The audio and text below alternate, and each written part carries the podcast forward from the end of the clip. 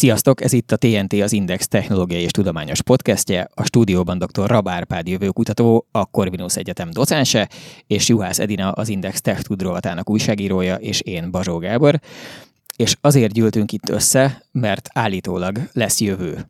Viszont nem tudjuk pontosan, hogy milyen, és erről szeretnénk Árpáddal beszélgetni, akinek legalább bizonyos típusú koncepciói vannak erről.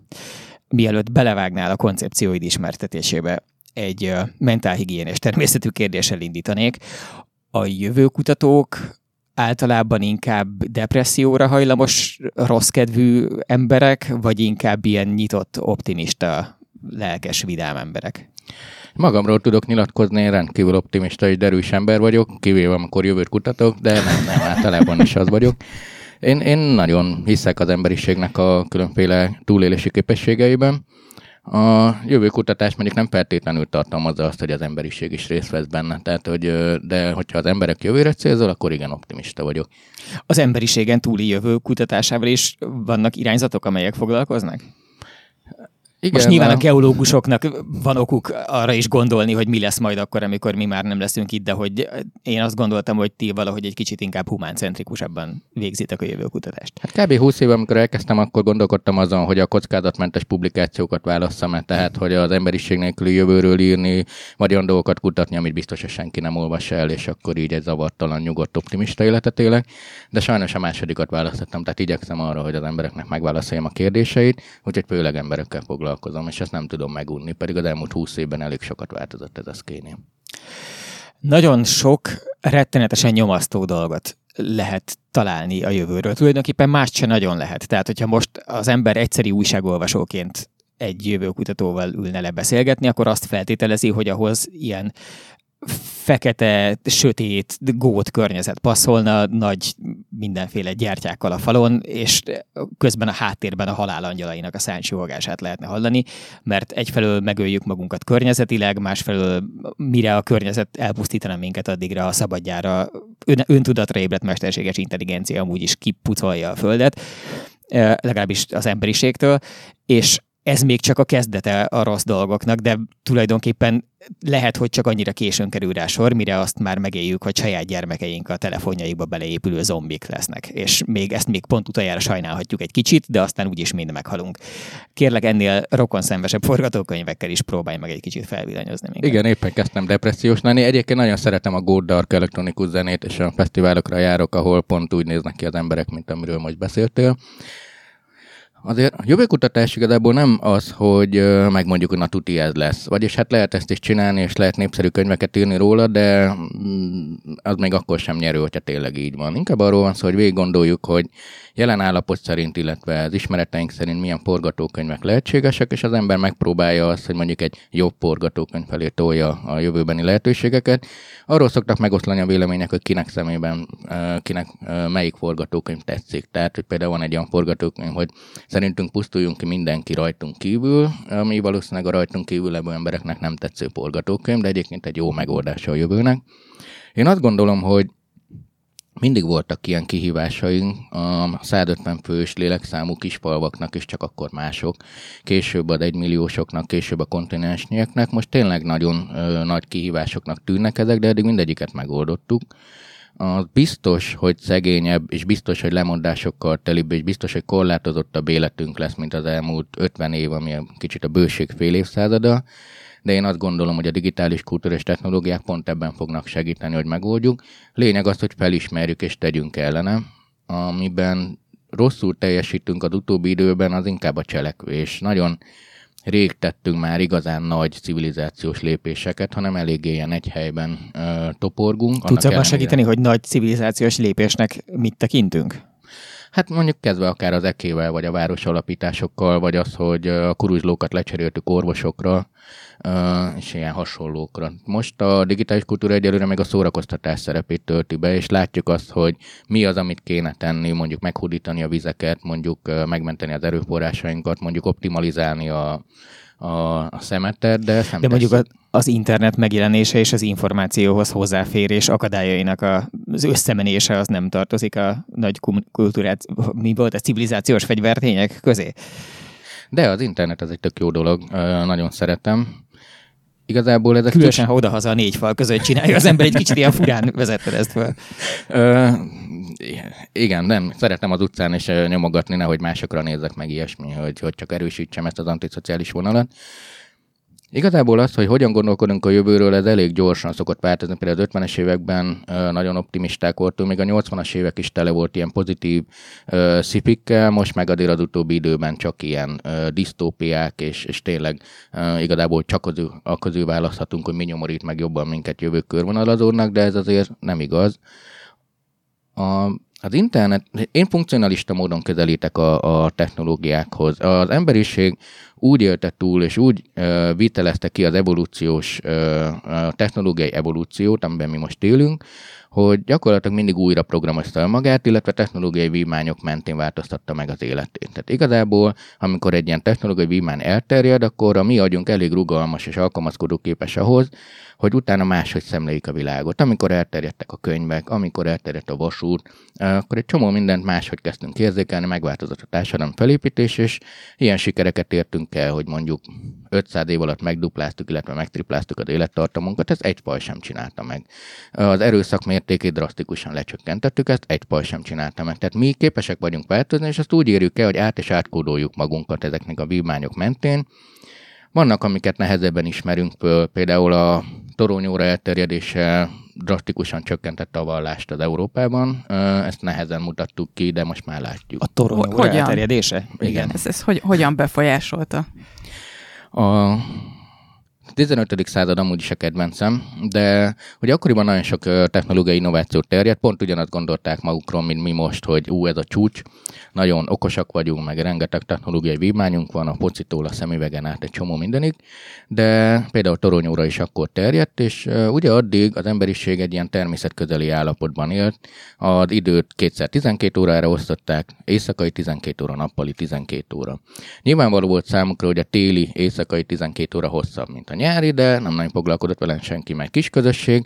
A templom harangja szépen megszólalt napszállat előtt egy fél órával, elzengte a vecsernyét, és akkor lehetett tudni, hogy bejövök a földekről, és biztonságba érek a sötét előtt.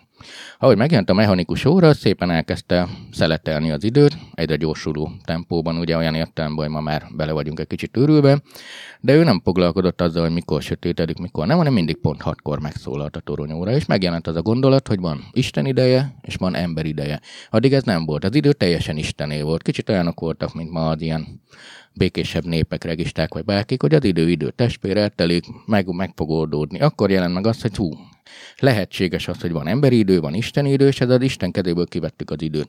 És onnantól kezdve az emberi időben csinálom az üzletet, ö, gyűjtöm a vagyont, és persze megadom Istennek, ami az Istené, ami a évszázatok során csökken. Így változtat meg minket a technológia.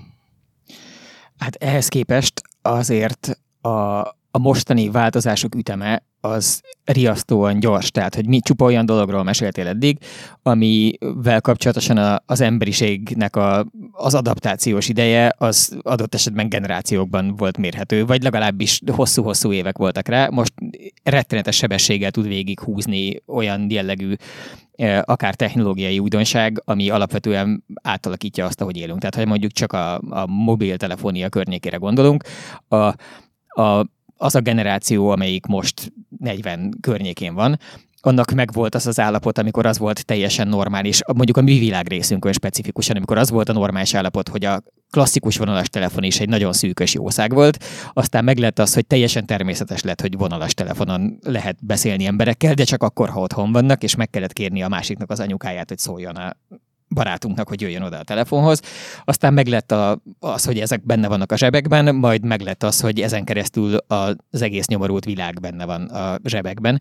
És erre nem, hogy egy emberöltő nem volt, hanem ezek ilyen, mit tudom én, 5-10-15 éves picike szeletkék, és teljesen máshogy működünk. Tehát, hogy meg... És most már nem is beszélgetünk, hanem csak bepötyögjük, amit szeretnénk, és, és ennyi. Igen, ráadásul bepötyögjük, amit szeretnénk, ami egy egészen másmilyen sávszélességű kommunikációt eredményez, tehát hogy valójában azon keresztül, amikor az ember mondjuk cseten kommunikál valakivel, azon keresztül rendesen bitekre lefordítva sokkal kevesebb információ folyik át, mint amikor egymással szemközt ülnek emberek, és eleve egy csomó képi, nonverbális jel is megy vele, amiket nyilván tudom, hogy smiley is meg lehet üzenni, hogy mosolygok, sőt, nagyon sokféle smiley van, és tudom, hogy nem csak mosolyogni lehet, hanem széttárt kézzel tehetetlenkedni is. De hogy uh, mégis az történik, hogy, hogy egy sokkal szűkebb ilyen pókfonányira szűkült csatornán keresztül kommunikálunk nagyon sokszor, és uh, nehéz látni, hogy abból, hogy sokkal könnyebb lett pókfonál csatornákat egyszerre nagyon sok ember felé kiterjeszteni, cserébe viszont lemondtunk, vagy elengedtünk nagyon sok személyes kommunikációról, hogy ettől összességében hatásosabb vagy hatástalanabb lett a, az emberek kommunikációja, a személyközi kapcsolatok. Ilyenkor egy akadémikus azt mindig azt mondja, hogy hát hatásosabb is lett, meg nem is, de mi lenne, ha mégis inkább csak válaszolnék rendesen. Nagyon pontos dologra tapintottál rá. A technológiai innovációk egyre gyorsabban terjednek a Földön. Az internet volt az első olyan mindent felforgató technológia, ami hamarabb terjedt el, mint 50 év. Ez azért pontos, mert előtte több ezer éven keresztül ez volt az emberiség megszokott biológiai tudásátadási ritmusa. Magyarul valaki megtanulta, hogy ezt a gombát ne meg megtanította a fiának, ő meg vagy megette, vagy nem, és így tovább. Ez gyorsabban terjed terjedt el, ezért minden nemzedék a maga uh, használt, vagy maga dolgát látta meg benne, és elkezdte használni. Nem történt meg a generációk közötti tudásátadás, ami azért gond, mert mondjuk a mai fiatalok uh, sokkal inkább érzik azt, tehát sokkal inkább információkat gyűjtenek, és nem tudást, ami mégiscsak egy rendszerezettebb, és nyilván ez az oka az álhírek, vagy ilyesmik terjedésének. Az, hogy hogy milyen célt szolgál, igen, azt mondod, hogy egy sokkal szűkebb sávszélességen beszélgetünk. Inkább uh, azt kell megtanulnunk, és ez zajlik most, nagyon gyorsan tanulunk egyébként, azt kell megtanulni, hogy kivel milyen sávszélességen akarok kommunikálni. Hogyha az a keskeny is elég, mert csak egy infót akarok, vagy éppen csak jelezni akarom, hogy, hogy élek, vagy egy infót akarok megtudni, akkor, akkor arra elég.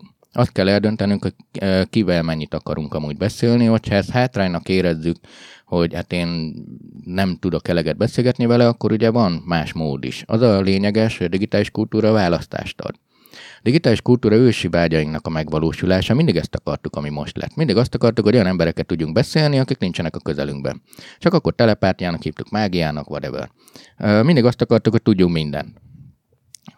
Csak akkor régebb ugye bolondgombát kellett beszedni, felmenni a sámán fel, most meg tudunk minden. Azt akartuk, hogy dolgozzanak helyettünk, most dolgoznak helyettünk a robotok. Tehát ezt akartuk, most viszont megpróbáljuk valahogy ezt feldolgozni. Emelé jönnek más trendek is, például azt, hogy a lélekszám hihetetlenül megnőtt.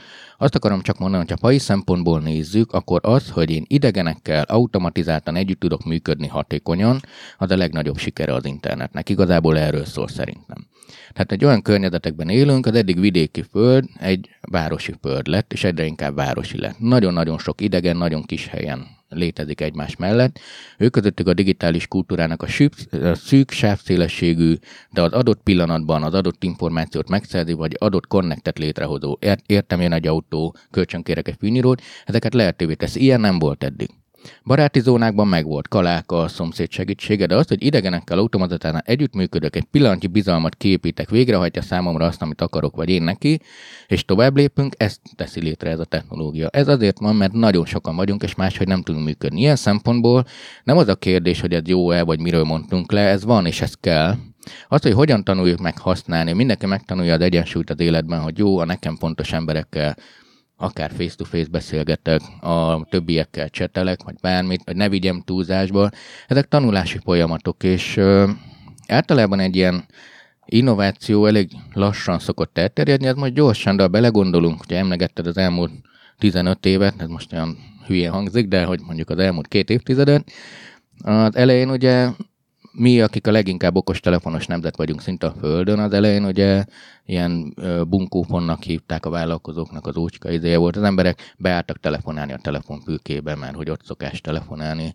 Amikor a telefon terjedt a briteknél, a garázsban jelent meg először, mert a garázs az, ahol az idegenek jönnek oda be autóval, meg ott a telefon. A telefon a garázsban volt, vagy fölveszem, vagy nem, után bement az előszobába, mert oda jön a vendég és ez átalakult egy nagyon-nagyon személyes eszközé, most már a legszemélyesebb eszközünk az okostelefon. Hogy megérkezett a garázsból az előszobán keresztül az ágyba.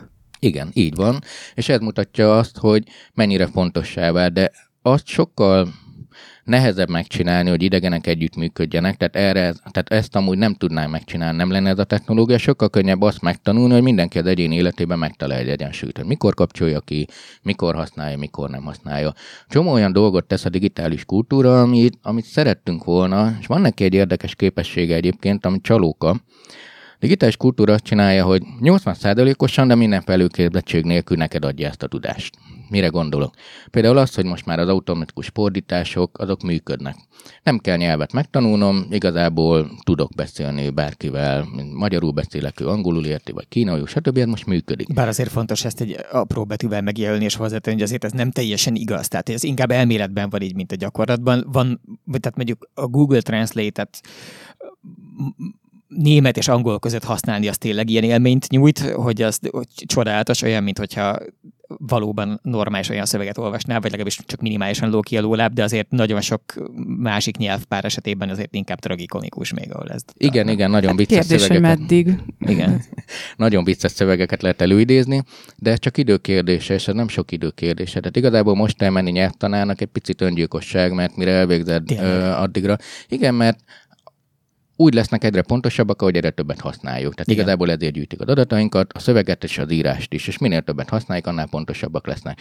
Az is tény, hogy sose a magyar-indonéz real-time fordítás lesz a piac fókuszában, de, de a nagyobb nyelvek működnek. Tehát az most is azért van az, hogy a gyakori nyelvpárok működnek jól, mert ott keletkezik nagyon sok adat, és azon, az alapján tud javulni. Így és azért van. béna a magyar, mert sokkal kevesebb ember kíván magyar és angol között, meg sokkal kevesebb forrásanyagot tud felhasználni hozzá a mester mesterséges intelligencia a Google. Pontosan így van. Egyrészt az adatmennyiség, másrészt az, hogy mennyi figyelmet fordít rá a piac. Most nem értem, hogy mennyire szorgalmasan gépelik le a Messenger beszélgetéseinket.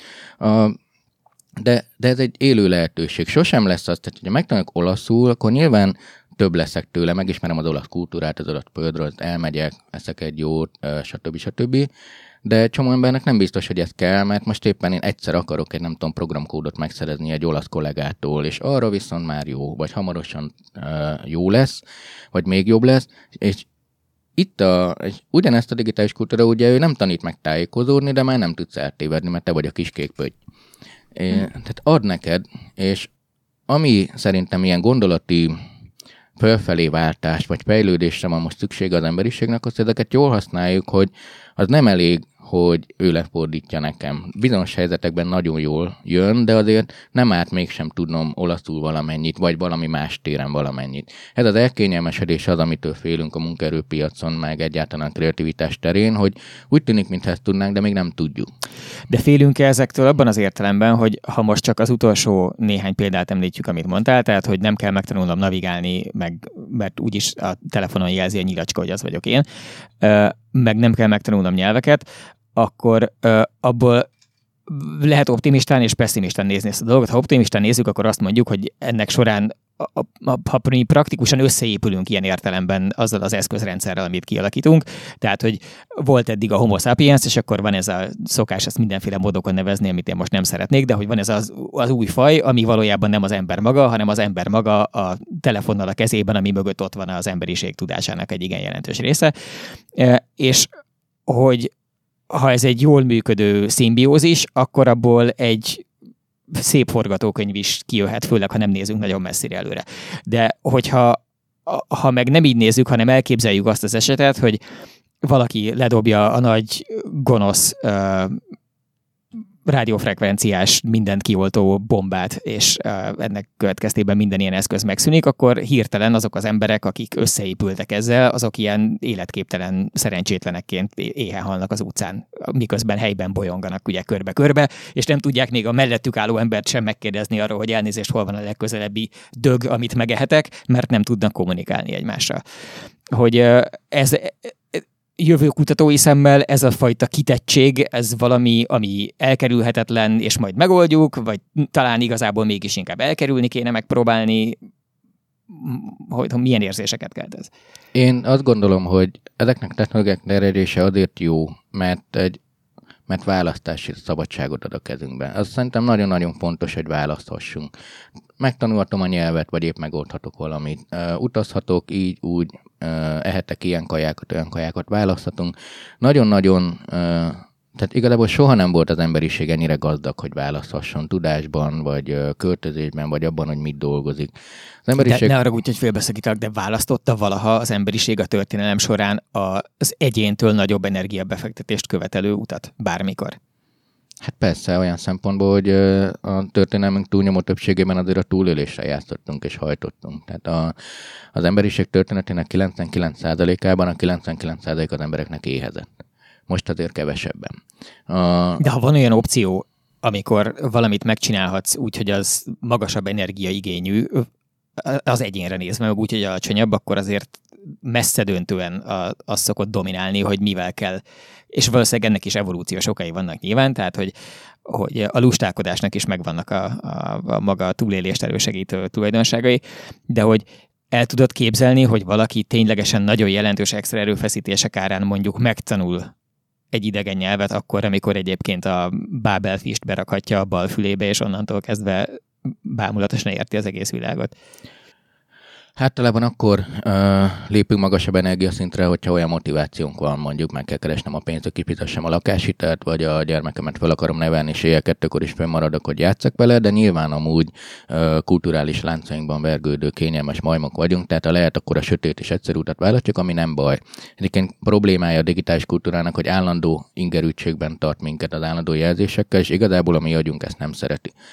A, valóban a technológiai kitettség megnőtt ha ledobják ezt a szuper mindent elpusztító bombát, bármit, ezzel ö, komoly gondok lesznek. Ezek általában nagy népességfogyással járnak egy rövid ideig, népszerű filmsorozatokat lehet belőlük készíteni, de persze ezek gondok. Tehát az, hogy ö, tökéletes biztonság legyen, az nem mindenek úgy, úgymond ára van. Tehát ami felé mi haladtunk, az nagyon egyértelmű, az, hogy minél tovább éljünk, minél egészségesebben éljünk, minél többet tegyünk, és minél boldogabbak legyünk. Ugye elfelé törekszik mindenki, még annó a Dumba is beírtuk, hogy IDDQD, és akkor itt örök élet ingyen lőszer, ezt akarjuk. Most az történt, hogy, hogy mivel az emberi agynak túl nagy a bolygó, emiatt azok a döntéseket, amiket meghoztunk, nagyon sok mindent a föld alá. Például azt, hogy ott nagyon sok ember van már, például azt, hogy okay, hogy én nem látom a szemetet, de valahol ott van. Ez egy, ez egy civilizációs lépés egyébként, ami igazából minden ö, a világűrben található minden fajnak legyen az akár egy kőkocka, bármi, meg kell lépnie. Ez rég leírt folyamat, tehát már az 50-es évektől beszélünk arról, hogy ez a hőfok elérése az az egyik civilizációs lépés, mind látszik, hogy e felé halad minden civilizáció. Mármint a hőfok az... Az, hogy túléljük, hogy fölégetjük a saját bolygónkat a saját hőnkkel.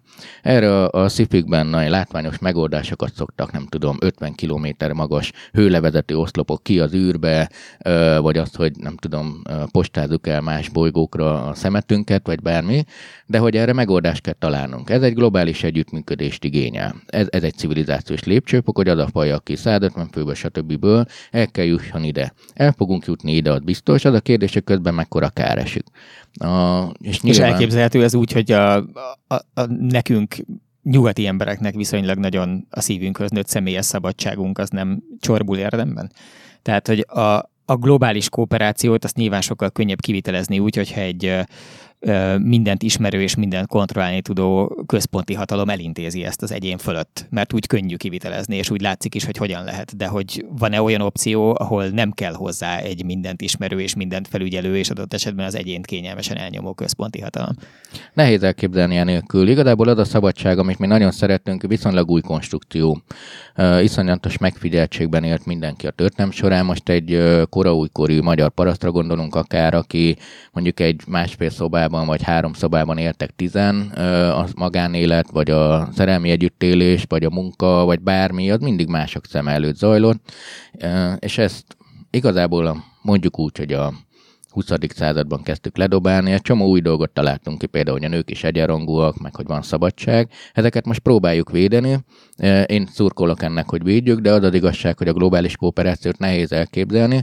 Az a kérdés, hogy ki tudjuk-e dolgozni azokat a metódusokat, hogy megmaradjon a választásnak, a véleményalkotásnak, vagy akár az egyéni e, boldogságkeresésnek olyan útjai, ami egy nagyobb rendszeren belül még az én szabad választásom. Mond... ennek az aránya fog változni. Bocsánat, csak hogy mondod, hogy az 50-es évek óta ezt már így feljegyezték, szerinted miért van az, hogy csak mo- most kezdik az emberek érezni magukon, a saját bőrükön, hogy egyre melegebb van, vagy, vagy mi lehet az az oka, hogy így, ha már egy ilyen hosszú ideje ez, ez létezik, hogy most kezdtek el igazándiból tenni ellene? Hát vagy legalábbis szónokolni arról, hogy most már tényleg nagyon kellene valaki másnak, már most már tényleg csinálnia kéne valamit. Most már beszélünk róla, igen, nagyon szeretem ezeket a műanyagmentes júliustól kezdve bármilyen ö, akciókig, de igazából ezekre társadalom szempontból úgy érdemes figyelni, mint hogy ez a mentális újraprogramozás része, hogy fölkészítsük magunkat, hogy amikor majd a nagy játékosok, a cégek vagy a kormányok bevezetnek restrikciókat, akkor könnyebben tudjuk fogadni. Nem ezen fog múlni. Tehát jelen pillanatban a, tehát a nagy léptékek mindig akkor is az ipar, illetve a különféle kormányok döntései, kipusztítunk el nagy nézetmételni erdőt, a, Szerinted ez, ez valaha be fog következni, hiszen ellentétesek az érdekek nagyon sokszor. Meg lehet gazdagodni ám a környezetvédelemből is. Tehát, ö, nem... Végre valaki ezt mondja, én, nekem évek óta ez a leg, számomra az egyik legkínzóbb ilyen közpolitikai dolog, amit nem értek, hogy annyi mindennel lehet lopni, ami egyébként jót is tesz és hogy miért nem lopunk a közjó, már mint nem mi, sajnálatos módon, hiszen nem ülünk elég közel a tűzhez, akkor nem ebben a stúdióban kéne szónokolnunk, hanem sokkal fontosabb dolgunk lenne eleve a Duna másik oldalán, de hogy hogy miért nem, miért nem lehet annak során építeni a mindenféle nemzeti tőkés osztályt, nem csak Magyarországon, hanem a világ más egyéb részein is, aminek egyébként vannak bizonyos járulékos hasznai, azokra nézve is, nem meghalás szempontjából például, akik egyébként csak ilyen egyszerű adófizetőként elszenvedői ennek a folyamatnak. Abszolút lehet. Hát igazából, ami most nekem az egyik legfontosabb munkám, és amire fel szoktak kérni, az az, hogy olyan ö, jövő forgatókönyveket mondjak cégeknek, akik hogy ö, hogyan tudnak meggazdagodni abból, hogy igazából segítenek a földön és az embereknek. Mi nem nehéz. Igazából a hogyha most Fordra gondolunk, aki ugye az autógyártást elkezdte tömegesíteni, hát ő is bizonyos értelemben a közjó érdekében cselekedett, mert azt mondta, milyen pompás lenne mindenkinek lenne autója, és az emberek azt mondták, hogy de jó, ezt tetszik, mellesleg gazdag lett. És a... náci. Igen, tehát hogy jó, minden technős béka alatt van egy másik technős béka, tehát hogy... De hogy azt, hogy komplexen tudjuk az ő személyiségét nézni, az magában segít nekünk jobban érteni a világot. Igen, és az is biztos, hogy sokkal inkább foglalkoztatta a saját meggazdagodással, mint az az, az örömkatalizátor, amit átélnek az emberek, azt inkább csak egy szélszes eszközként tekintette, de... Viszont tehát azzal együtt, ez ilyen szempontból egy nagyon izgalmas példa, hiszen, hiszen egyfelől rájött, hogy jobbá teszi az emberek életét azon keresztül, hogyha hozzáférhetnek többen gépjárműhöz. Másfelől arra is rájött, hogy hatékonyabban tudja ezt csináltatni a munkásaival, hogyha jobb körülmények között dolgozhatnak a munkásai, és ezzel párhuzamosan volt egy náci és egy, egyben egy nagyon innovatív iparmágnás. Tehát egy rendkívül érdekes kompozíció, ahol az látszik, hogy, hogy fölismerte, hogy, és ilyen szempontból tök jól kapcsolódik a témánkhoz is, hogy fölismerte, hogy a hatékonyságunk, tehát a, a, az általa vágyott folyamatnak a hatékonyságát növeli, hogyha a résztvevői azok ténylegesen haszonélvezői ennek a dolognak, és hogy látszik, hogy az ő modellje egy működőképes modell volt, de akkor miért nem látjuk ezt mindenfelé? Most nem a náculásra gondolok elsősorban. Igen, azt is látjuk elég sok felé. Az, hogy karbantartsd az eszközeidet, hogy több pénzt termeljenek, legyen azok akár eszközök vagy emberek, az végül is nem jelenti azt, hogy szereted is őket közben. Most is azért látszik, hogy uh, most ne keverjük össze a céges marketinget a profit növeléssel. Nyilván nagyon cuki dolog, ahogy informatikai cégeknél is már masszíroznak, meg nagyon szép kinézetű irodák vannak, meg uh, home office is néha esetleg, vagy bármi. A lényeg az, hogy, hogy ez persze azért van, hogy növelje a termelékenységet, mellesleg az ember uh, kicsit boldogabb tőle zajlanak ilyenek, tehát azt megtalálni egyébként, hogy mi lehet sikeres üzleti modell, itt az történik, hogy sokkal sikeresebb üzleti modelleket választottunk eddig a műanyag palackok előtt üvegpalackokban hordták ki a tejet. Mi is, amikor uh, elmentünk a, nem tudom, boltba, akkor a Párizsit belerakták a papírzacskóba, és nem volt minden műanyagba becsomagolva, és uh, most visszagondolunk, egyrészt az az érzésünk, hogy ú, de gagyi volt, meg tök koszos, meg a Dilonka néni ott vágta a kis gépével, de az az igazság, hogyha már hónapra valaki most ezt hozná, hogy ezen túl Párizsit csak úgy lehet venni, nincs több műanyagcsomagolás, őszintén szóval nagyon hamar hozzászoknák, olyan drasztikus dolgokhoz is. Ez ugye egy egyik legklasszabb függőség napjainkban a dohányzás Amikor bevezették azt, hogy épületen belül nem dohányozhatsz, hát milyen poradalom volt egy ideig, de igazság szerint mindenki hamar meglátta. Tehát az emberek azért nem buták, szeretjük butáknak gondolni a tömegeket, de nem, csak meg kell mutatni az érdeket. És azt mondom, hogy nézd ezen túl papírzacskóba lesz a párizsi cucc, de cserébe lehet, hogy egy évvel tovább élünk, akkor azt tetszeni fog egy csomó embernek. Ma már nehéz elképzelni azt, hogy milyen volt, amikor itt bent dohányoztunk. Én annól egy számítógéptermet vezettem, és így olyan emlékeim vannak, hogy én ott ültem, dohányoztam, mindig volt tettem három kávé, szóval tökéletesen megfeleltem minden sztereotípiának. Most meg már fizikai undort éreznék, hogy mások, akik nem bagóznak. Én, ugye ez egy három négyzetméteres szoba volt, mert az akkori IKT felkészítség az eltén három darab számítógépet jelentett. Szóval a lényeg az, hogy könnyen újra kódolhatók vagyunk. Ehhez egy határozott kiállás kell, másrészt egy motiváció, harmadrészt nem lehet egyszerre. Uh, amitől mi most félünk, hogy annyira gyorsak a, por- a folyamatok, hogy ez az egyszerre dolog egy háborúban kulminálódik, és utána egyszerű mindig újat építeni, és ezt nem akarjuk. A, a háborúban kulminálás mellett szól viszonylag erősen az az érv, hogy az utóbbi mondjuk 6-8 évnek a meghatározó eszmeáramlatai, amik viszonylag sikeresen működnek, azok pont nem ezt a kooperativitást, a globális problémákat valamilyen együttműködéssel és egymás felé fordulással megoldani kívánó uh, sztorik, hanem inkább azok a nacionalista nemzeteket esztival, tehát ilyen a, a szűk csoportoknak a sikerességét egymáshoz képesti uh, dominanciáját népszerűsítő uh, áramlatok, ami én direkt nem akarok most semmilyen ilyen címkét aggatni, amitől ez az egész nagyon befogadhatatlan lesz olyas valakinek, akinek egyébként tetszik ez, tehát aki ebben szereti meghallani azt, hogy ez, ez ilyen erősnek hangzik meg minden. Csak ugye a történelem azt mutatta nekünk eddig, hogy amikor nagyon sok csoportban válik népszerűvé az az elgondolás, hogy mi vagyunk a legfontosabbak, és az a fontos, hogy nekünk legyen jó, és elsősorban mi érvényesüljünk, tök mindegy, hogy azért, mert más milyen színünk van, vagy mi voltunk itt előbb, vagy mindig erre mindig van valamilyen ok. És ez e köré csoportosul igazából, vagy e körül alakult ki a csoportnak az öntudata, annak előbb-utóbb az lett a vége, hogy kénytelenek voltak a csoportok megmérni, hogy akkor igazából kinek a leghosszabb a, az öntudata. És ennek során nagyon sokan megszoktak halni, jellemzően a csoportoknak a szegényebb, gyengébb, kiszolgáltatottabb, fiatalabb tagjai. Jó lenne, hogyha most nem ez jönne ebből, de én nem nagyon láttam még megjelenni azt a másik irányt, ami iránt lelkesedni lehet, hogy az most mi, mi lehet sikeres ezen kívül, mert ez nyilván előbb-utóbb vagy háború lesz, vagy elkopik, talán inkább elkopik, de akkor mi a, mi a következő? Mi van helyette? Általában az érdekeket érdemes nézni, a szólamok, meg az, hogy mi vagyunk felsőbbrendűek, vagy okosabbak, vagy szebbek, azok általában az ásztók az érdekek előtt vagy mögött. Néhány dolog azért változott. Ugye a második világháborúról nagyon szerettünk beszélni, meg nagyon sok hősies film van, de igazából a második világháború egy hihetetlen nagy mészállás volt, etnikai és hihetetlen nagy társadalmi mészállás volt, sokkal több ember öltek meg a frontvonalak mögött, és most nem mondjuk gázkamrákra gondolok, hanem egész egyszerűen tényleg az egyik sereg ide vonult, mészároltak, nem beszélünk erről, de tényleg nagyon-nagyon-nagyon sok embert erőszakoltak, meg öltek meg. Az, nek mindenkinek lejött, hogy az, hogy saját országomban viseljek háborút, az nem jó, igazából nem pompás. Ez így. Annak a próbának nem szeretném kitenni a mai átlagembert sem mindenféle hosszú öntudat nélkül, hogy ha megnyomom ezt a piros gombot, akkor általam ismeretlen emberekből mondjuk 10 millió elpusztul, és nem kell változtatnom az életvitelemen többet. Ez egy lehet, hogy nem is lenne jó eredményű, kisebben már láttunk ilyeneket, ugye. Változott azért a világ annyiban, hogy, hogy, hogy egy ideig a kooperációt erőltettük, mert pont olyan lélekszámunk volt, és ez volt sikeres az emberiségnek. Most túl sokan vagyunk. A gond az, hogy minél inkább a számok dominálnak, annál kevesebb a választási lehetőség. Még gyermekkoromban olvastam egy ilyen jó kis szipi novellát, ami nagyon jó volt. Mm, csak egy részletet idézek fel belőle, az volt a lényege, hogy már kolonizálunk mindenfélét, megy egy űrhajó, visz kaját egyik kolóniának, és egy kislány felszökik az űrhajóra, hogy láthassa a szüleit. De annyira ki van mérve az űrhajó, mert hogy ugye gazdaságosság és így tovább, hogy ezt a plusz súlyt nem bírja el.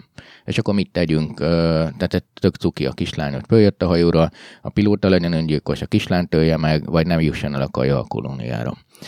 És minél többen vagyunk, annál inkább ilyen választások elé kerülünk, hogy, hogy valamiről le kell mondani. És amit mondasz, persze valamilyen ideológia mentén más mondjon le, de ez nem ilyen egyszerű. Egyre kevesebb már az a földterület, vagy az a népcsoport, akikről ö, le tudunk mondani. Mert van, aki a piac számunkra, ö, hogyha tönkrevágjuk a, azt a gazdaságot, a milyen kis tönkre megy, tehát igazából a világ nagy gazdaságai azért egymással annyira összefonódásban vannak, hogy a háború öngyilkosság lenne. Tehát, hogy mondjuk Amerika és Kína között olyan gazdasági kapcsolatok vannak, amik igazából kizárják a háborút még egy darabig, mert egymás saját gazdaságukat is tönkrevágnak, kivéve, hogyha nem tudom, azonnali győzelem lenne. De a háborúról eltekintve ez a tömeges népírtás, amit mondjuk hívjunk egy harmadik világháborúnak, ezen a módon azért nem nagyon lehetséges, mert túlságosan összepanódtak most már a sorsaink, más megoldás lett. Sokkal valószínűbb egyébként a háború helyett a hát mondjuk úgy, hogy betegségek, éhezések, elhagyatott területek, iszonyatosan alacsony életszínvonalak, míg bizonyos kevesek megpróbálják kis szigetekként túlélni ezt az egészet, de nem fog működni már az, hogy egy ország gazdagnak tartja magát, és jó életszínvonalon, és mások szegények lesznek. Ez összement a bolygónk. Ezek ilyen természetes módon fognak kialakulni szerinted? Mert az is egy nagy fenyegetettséget jelent, hogy nagyon sokan mondják azt, hogy majd jönnek, és akkor majd a biológiai fegyverek lesznek a következők, hogy nem is háború, tehát nem, nem gépek csapnak össze, hanem biológiai fegyverrel egyszerűen illet tizedelik a társadalmat. Tehát, hogy ez egy ilyen természetes folyamat lesz, vagy tényleg lehet attól tartani, hogy, hogy ezt valamelyik állam fogja, vagy valamelyik nagyhatalom fogja mesterségesen gerjeszteni? Ja, most alapvetően háborúkról beszélünk folyamatosan, és tömegmészállásról. Ez, ez azért ennek sokszor irracionális háttere is van, tehát hogy annyira nőnek a feszültségek, hogy jó valaki kirobbant valamit. Általában bizakodunk, hogy ez nem így lesz, de az az igazság, hogy egy háború alatt is többször igazából véletlen a múlt, hogy, hogy nem történt meg a, a tömegpusztítás és a Terminátor című filmnek a trélere. Az, hogy ki indít-e valaki háborút, folyamatosan háborúk zajlanak. Az erőszak mértéke csökkent, ez tény, de hamarosan újra növekedni fog, de ezek a háborúk sokkal inkább gazdasági háborúk. Több ember pusztul el éhezés miatt és olyan életkörülmények között, mint konkrétan gépisztoly által. Én abban bízom, számolunk nyilván ezzel is, hogy mi történik, hogyha valamiféle, valaki kirobbant egy háborút és mindenki becsatlakozik, de igazság szerint ennek az esélye, ezt próbálja mindenki a maga területén kívül tartani. Mindenki alatt ugye az Amerika, Európa, Kína tengerre lehet gondolni, ami nem sok teret hagy már annak, hogy hol legyenek háborúk, és Afrikát és Dél-Amerikát, ha megnézzük, akkor igazából ott, ott nem is olyan békés az élet. Nem, csak nem nyerünk vele nagyon sokat, tehát hogy most nagyon-nagyon nem szeretném, a bárki félreértene, tehát most nem mintha egy számítógépes játék lennénk és irányítanak, és nem emberéletekről beszélünk, de igazából nem az a megoldás, hogy most elpusztul egy milliárd afrikai, és ott lesz egy csomó üres hely, és majd akkor bevetjük, és akkor ott megtermelődik a kaja, és akkor tudunk mégis hamburgert tenni, és nem kell vegetáriánusok legyünk. Ha ilyen szintű rendeződés lenne, akkor én már nem aggódnék. Nem, igazából itt, itt a fejlett országoknak az ipari kimenetein és az üzleti modelljének logikáján kell drasztikusan változtatni, illetve meg kell növelni, tehát látnunk kell azt, hogy nagyon sok mindenre képesek vagyunk, és hogy ezek hosszú távon megérik. A szegénységet két nap alatt föl tudnánk számolni per pillanat. Közgazdaságtani modellek mutatják ki, hogy sokkal olcsóbb a szegényeket gazdagá tenni, és több pénzt termel, mint azt, hogy fenntartunk olyan szociális rendszereket, amivel a szegényeket szegényeknek tartjuk. Például kaját adunk nekik, meg segélyet adunk nekik. Sokkal, ez, ez, ez leírt, ez tényszerű, hogy ezt meg tudjuk csinálni. És mi az, amivel azt gondolod, hogy gyorsan lehetne ezen változtatni? Hogyha most megtesznek téged uh, szociális és családügyi miniszternek, és kapsz ehhez egy a világ kormányának? egy bugyellárist, igen, a világ kormányáé természetesen, akkor mit, mit csinálna? Hát reméljük, hogy nem kap el a hatalom szele, és nem az lesz, hogy a luxus aktomon kedves fiatal hölgyekkel mászkálok fel alá, hanem mondjuk tényleg tenni akarok valamit. Csirkéket az... viszel Afrikába. Luxusért, tudom. Igen. A, egyszerűen a jelenlegi üzleti modelleken kell csiszolni nem sokat. A, azokon a tényezőkön, amikről tényleg tudjuk, hogy problémás, azokon változtatni kell. Például most az, hogy a tehenek különféle testnyilásokon kívül gázok segítségével egyébként főleg inkább a szájukon jön ki, ami problémát A metánt bőfiző Igen, igen. Szó, igen. tömegek, az nagyon olyan feloldhatatlannak tűnik, hogy úristen, hát vagy megöljük az összes tehenet, és nem lesz hamburger, ami elképzelhetetlen, vagy az, hogy elpusztul a föld, ami hát inkább, mint hogy ne legyen hamburger addig, amíg el nem pusztul a föld. Ugye ez a mostani hozzáállás. A, de igazából nem egy nagy szám ö, olyan adalékanyagokat, vagy ö, teheneket létrehozni most itt túlozva, de most csak olyan környezetet számukra, amivel ezt nem csinálják. Csak ez pénz. Mindig mindenki azt mondja, hogy ez pénz, ez drága. De egyrészt a pénz az tök virtuális. Azt mi döntünk, hogy mi mennyibe kerül olyan programokat elindítani, hogy ha nincs elég élelmiszer, akkor olyan területeket feljavítani, hatalmas programokra gondolok mondjuk a Szahara vízelellátására, ezekre mind képesek vagyunk. Tehát mint faj képesek, majd megvan a technológiák, megvan a pénzünk hozzá. Ha egy világkormány szociális minisztere lennék, akkor egyszerűen ezeket megcsinálnám, és ez nagyon látványos lenne, és tudom, hogy ez most szép fenntartva, hangzik, de hogy, nem az. Tehát fenn, fenntartva azt, hogy a, a világkormány egy demokratikusan, tudom, hogy ezek teljesen abszurdumok, de most nem is ez a lényeg. Tehát, hogyha egy egyébként demokratikusan üzemelő világkormánynak lennél az ilyen típusú miniszter, akkor azért lenne nagyon nehéz dolgod, mert most is azért szegények a szegények, és azért van az, hogy sokkal több sikert lehet látszólag elérni például olyan típusú közpénz kiadásokkal, amik igazából azoknak segítenek inkább, akiknek relatíve van, mint azokkal, amikkel oda megy pénz, akik nem látszanak, mert annyira alul vannak szerencsétlenek, vagy annyira távol. És hogyan tudod elmagyarázni a választóid tömegének, vagy az emberek tömegének, hogy most egy kicsit az lenne, hogy igazából akkor nem halunk meg mindannyian, hogyha oda tesszük a pénzt, ahol arra igazán szükség van, és nem oda, ahol látványosan lehet vele valamit csinálni. Igen, uh, emlékszem a pont a második világháború során ugye több ilyen konferencia volt, és Stalin és különböző nyugati hatalmak képviselői tárgyaltak.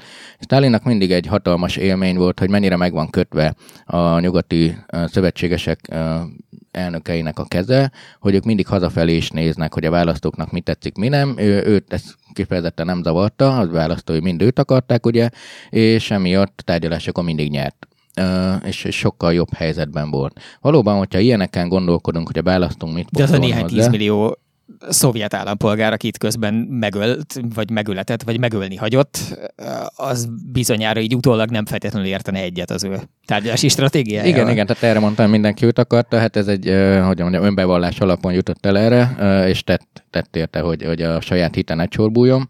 De azt akarom csak mondani, hogy igen, és ezért nagyon könnyű, és ahogy a mi beszélgetésünk is elment felé, hogy egy nagyon-nagyon diktatórikus folyamat, és egy nagyon-nagyon ős kommunisztikus-szerű folyamat közül melyik fog győzni, és valószínűleg a diktatórikus. De pont ezért van igazából a mesterséges intelligencia, a blockchain rendszerek, a digitális kultúra, hogy tudunk olyan finom hangolt, olyan ö, célcsoportokra szóló, most még felpakatatlan léptékű változásokat ide előidézni, ezeknek a technológiai segítségével, amikor nem az van, mint régen, hogy most kiírtok 10 millió embert, hanem be tudom azonosítani a 10 millió embert, és tudom azt, hogy kit, hova viszek, milyen munkát adok neki, hogyan változtatom meg az életemet. Ez kivitelezhető.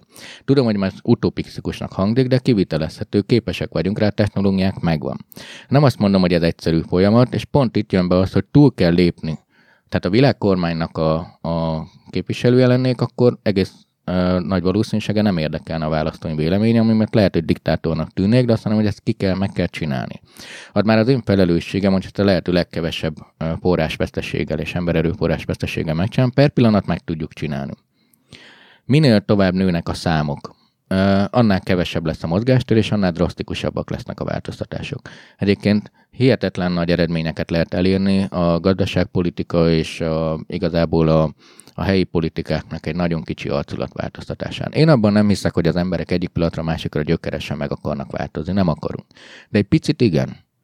É, és, és eddig is azért támogattunk már folyamatokat, hogyha tudok róla, hogy nem tudom, tehát nagyon virtuális számunkra még az egész, és eddig is adtunk pénzt afrikaiaknak, és végül is ebben nem láttunk semmit, meg nem is érdekelt az egész. Egyébként pont ezzel járultunk kicsit hozzá ez a népesség növekedéshez a legnagyobb jó szándékkal. Tehát a 70-es, 80-as évek segélyszállítmányai okozták ezt a népesség robbanást, ami most van, viszont utána ott hagytuk őket. nem csináltuk azt, hogy jó, megnőtt a lélekszám, akkor adok neked munkát és gazdaságot. Ha Iskolát például. Például, ez apróságok, vagy mondjuk vizet. És most hiányzik nekik ez az egész. Na, viccet félretéve csak az ember ugye próbálja könnyeden kezelni a nehéz témákat, meg lehet csinálni, az biztos, hogy nagyobb szintű együttműködésre van szükség. Ezek együttműködésekben mindenki meg tudja találni a gazdasági érdekét. Ez most már azt kell látni, hogy a jövőben nem a pénz, sőt, még csak nem is a földrajzi lokáció fog számítani. Másféle hatalmak uh, fognak birkózni és uh, érdekeket uh, vinni egymás felé. Én azt állítom, és azt látom, és azon dolgozom, hogy elérhető az, hogy mindenki győztesnek érezze magát, és minél nagyobb embertömeg érezze továbbra is boldognak magát. Most egy kicsit úgy tűnik, hogy a, azok, akiket igazán érdekel, hogy nem szeretnének meghalni, azok a fiatalok. Tehát nem, nem teljesen véletlen, hogy a, a mostani uh, zöld mozgalmak nemzetközileg legismertebb arca, ugye ez a Greta Thunberg nevű uh, svéd diáklány, hogy ők azok, akiknek megvan, hogy nekik az, hogy a globális felmelegedésből és bizonyos egyéb problémákból, de nagyon kézzelfogható módon a globális felmelegedésből keletkező mindenféle uh, klímaügyi és ezzel kapcsolatos uh, migrációügyi és életkörülmény ellehetetlenülési problémák, ezek nem majd egyszer lesznek az emberiség számára kellemetlenségek, hanem az ő valós életüket fogják bárhol is élnek a Földön, érdemben felbolygatni, rossz esetben megnyomorítani. De mennyire bízol abban, hogy ez a generáció képes lesz például pont ezzel az, az érdekes új menő digitális eszközrendszerrel, hogy érdemes lesz, vagy képes lesz arra, hogy változtasson valamit a világ jelenlegi működésén. Tehát, hogy, hogy létrejöhet-e generációs alapon az a kooperativitás, ami nemzeti alapon például nem tudja megoldani ezeket a problémákat, hiszen a, a frontok azok már csak olyanok, meg az erdőtüzek is olyanok, meg a a, a szállópor is olyan, meg a mikrorészecskék is olyanok, meg hát a hőmérséklet az aztán végképp olyan, hogy nem igen veszi figyelembe a, a földrajzi térképeket, meg az országhatárokat. Igen, de tehát én nagyon bízok benne. Egyrészt minden generációnak voltak ilyen nagy kihívásai, nagy katasztrófái és nagy sikerei is. Tehát az mondjuk a második világháború pusztítása, azután való újraépítés, vagy az, hogy egy másik generáció megcsinálta az internetet, és elérte azt, amiről beszéltem, hogy Bábeli tornyot megoldottuk, a kommunikációt, minden tudás, stb. Az ő kihívásuk az, hogy, hogy túléljék ezt a hőcsapdát, amiről beszéltem. Látszik az, hogy nekik már nagyon sok minden természetes azok közül, a, a gondolatok közül, amiket én mondjuk előre emlegetek, például a tulajdon nem olyan fontos számukra. Az a modell, hogy legyen autó, most már azért a közösségi autó, vagy mindenféle más megoldás, a, a saját lakás, vagy az élethosszig tartó munka, hogy egy munkahelyen teljesítsek, azok, amik az ipari társadalomnak, vagy még az információs társadalomnak is viszonylag szilárd struktúrái voltak, nekik már nem olyan lényegesek, sokkal könnyebb, sokkal rugalmasabbak, sokkal kooperatívabbak, sokkal pillanatnyiabbak, és az ő nagy kihívásuk az, hogy ezt a természeti, vagy mondjuk úgy, hogy öko kihívást megoldják, képesek rá. De ez a nyugati civilizációra igaz, vagy igaz ez mondjuk egy kínai tinédzserre, vagy egy kolumbiai tinédzserre, vagy egy, tehát nagyon a, a pont az adja ennek az egésznek a, a nehézségét, hogy végtelenül eltérő természetű módon érzékelik valószínűleg, még értesülnek egyáltalán ezekről a problémákról különböző kultúrákban, és más és más lehetőségeik is vannak azzal kapcsolatban, hogy csináljanak vele valamit, és egyébként más és más szinten is felelősek érte elvileg, vagy legalábbis abban az értelemben, hogy mondjuk a fejlett nyugati világ az nyilván sokkal többet árta maga sokszoros kibocsátásával és, és lábnyomával. De hogy, hogy elképzelhető-e, hogy az a típusú lelkesedés, ami most az látszik, hogy a nyugati fiatalokban elkezd meglenni, meg az, hogy nekik megvan, hogy vagy átalakulóban van az, hogy értsék, hogy fontosabb az, hogy ne halljunk meg mind, mint bizonyos egyéb komfort tényezők, de van-e ez jellemző módon így más részein a világnak, amik most egyébként ugyanolyan meghatározóak? Érzékelni nyilván mindannyian fogjuk érzékelni, az az emberiség azért mindig elmegy az első pofonig, tehát hogy beszélünk már rég a felmelegedésről, de igazából kit érdekel, fura tudósok beszélnek róla. Most éppen ezekben az években egy kicsit ilyen morális pánik és ökodepresszió is van. Ez sem jó egyébként, de annak a, tehát ezek ilyen hullámgörbék, amiket jól le lehet rajzolni egyébként, egyébként termékelfogadásoknál is így van, vagy egy új technológián először felível mindenki hisz benne, azt mondja, hogy ez mind minden megold, utána jön egy kiábrándulási időszak, hogy ha, ez nem is jó semmire, és utána elindul egy lassú pörpeli ívelés, hogy na nézzük meg, mire jó igazából, és elkezdjük használni. Ugyanez az ökodepresszió is, egy jó darabig nem foglalkoztunk, most fölívert, utána uh, szépen meg fogjuk találni az utakat. Mindenkinek azért maga válaszait kell megadni, hát nincs nyilván egy globális blockchain rendszer, és akkor mindenki boldog lesz. Lesz olyan ország, ami így reagál, lesz, aki úgy. Különböző állapotokban is, vagy gazdasági fejlődésben is vannak az országok. Nyilván Kína képen az egyik legnagyobb környezetszennyező. Ő, ő ott tart a fejlődésben, hogy meg kellett csinálni azt az ipari fejlődést nagyon rövid idő alatt, amit más országok előtte megcsináltak. Egyrészt nem lesz választásuk, másrészt ez, ezek általában inkább sok apró lépés lesz, és mindegyik náció maga eszközeivel, vagy mindegyik régió, inkább régiókba szeretek gondolkodni, megadja a válaszokat, amikből azt látjuk, hogy ők a mi szemszögünknél nézve sokkal korlátozottabban és sokkal szegényesebben fognak élni, sokkal több ö, olyan dolog lesz az életükben, ami nekünk úgy tűnik, mint a szegénység lenne, de nem biztos, hogy az. Most de arra gondolom. Tehát a kínaiak igen, az indiaiak igen, de, De mi, mi, nem. is, mi is, mindenki. Tehát az, hogy ki, ki hogyan fog erre uh, reagálni, sőt, van olyan ország, akinek ez felemelkedés jelent. Tehát például ahhoz, hogy növeljem a termőföldek számát, illetve ahhoz, hogy növeljem a a piac mértékét, hogy el tudjak még adni dolgokat, ahhoz igazából föl kell emelnünk a fejlődő országokat. Ez, ez nekik felemelkedés lesz.